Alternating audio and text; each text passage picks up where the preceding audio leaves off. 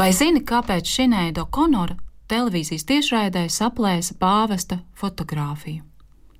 Tas bija 1992. gada 3. oktobris, kad dziedātāji, protestējot pret katoļu baznīcas pārstāvju noziegumiem, seksuāli izmantojot bērnus un slēpjot šos nodarījumus, saplēsa pāvesta fotografijas šova Saturday Night Live tiešraidē. Tas notika tad, kad vēl neviens par šiem noziegumiem atklāti nerunāja.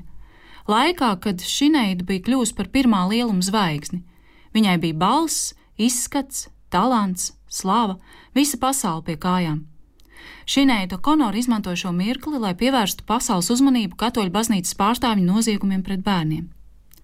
Šī rīcība, pāvesta fotografijas saplēšana, tika uztverta kā izlaistas zvaigznes izrādīšanās. Arī cilvēki studijā bija samulsuši. Raidījuma režisors sajūsmu par šinējas izpildīto Boba Mārlī dziesmu nomainīja asaras, redzot viņu saplēšot pāvesta fotografiju. Teksts Boba Mārlī dziesmā Karš vēsta. Kamēr vien filozofija, kas nosaka, ka viena rase ir augstāka nekā otra, nebūs galīgi un pilnīgi diskreditēta un atmesta, valdīs karš. Es saku karš. Boba Mārlī dziesmā paustās idejas pret rasu segregāciju bija saprotamas. Liela daļa amerikāņu iestājās par tām vismaz ārēji. Rasisms vairs nebija modē. Tomēr par to, par ko Šineida Konor gribēja vēstīt pēc dziesmas nodziedāšanas, vēl lielākā daļa negribēja dzirdēt. Tas bija mulsinoši un nepatīkami. Pēc šī notikuma cilvēki vairs neklausījās un nevērtēja viņas mūziku. Viņa vērtēja dziedātājas uzvedību un uzskatīja Šineidu par labākajā gadījumā dīvainu. Divas nedēļas pēc pāvesta fotografijas saplēšanas televīzijas raidījumā notika Boba Dilana organizēts koncerts Medisonas laukuma dārzos. Šajā koncertā pūlis Šineidu izsvilpa. Viņai neļāva dziedāt. Pie dziedātājas piegāja mūziķis Kris Kristofersons, viens no koncerta organizētājiem, un viņu apskāva. Kris esot viņai teicis, neļauj šiem neliešiem sev apklusināt. Don't let the bastards get you down. Tad šinēji vēl turpinot skanēt svilpieniem un būjināšanai, izmisīgi nodziedāja dziesmu karš. Šinēja Dokonora piedzīvoja īstu atcelšanas kultūru. Un tikai gadus vēlāk dažādi cilvēki publiski sāk izteikties par to, ka dziedātājai bija taisnība, ka šī rīcība bija drosmīga un nepieciešama. Bet 1992. gadā cilvēki viņu nesaprata.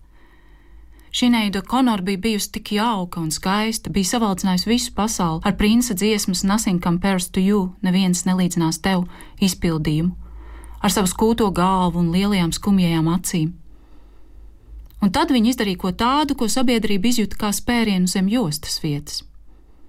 Sabiedrība vairs nevarēja būt maigi aizkustināta, jo Šineida bija viņiem pavēstījusi, ka bērni tiek izvaroti un ka par to ir atbildīga arī katoļu baznīca. Šineida Konora nomira šogad, 26. jūlijā. Daudzi tagad pēc viņas nāves atzīst un runā par to, kā sabiedrībai palīdzējusi viņas rīcība pirms 31 gada. Tomēr ir miljoniem cilvēku pasaulē, kuriem Šineidas Okonors izdarītais atvēra logu vai pat durvis uz brīvību jau 1992. gada 3. oktobrī. Tie ir visi tie cilvēki, kuri ir piedzīvojuši seksuālu varmācību. Viņiem Tiem, kas bija traumas rezultātā saslimuši, nodzērušies, zaudējuši cerību uz dziedināšanu, zaudējuši izvēles brīvību, šī neidas rīcība deva cerību, ka tā brīvība tomēr ir iespējama.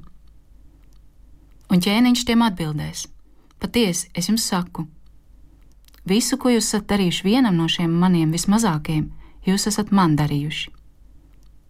Mateja evaņģēlijas 25. nodaļa, 40. pants.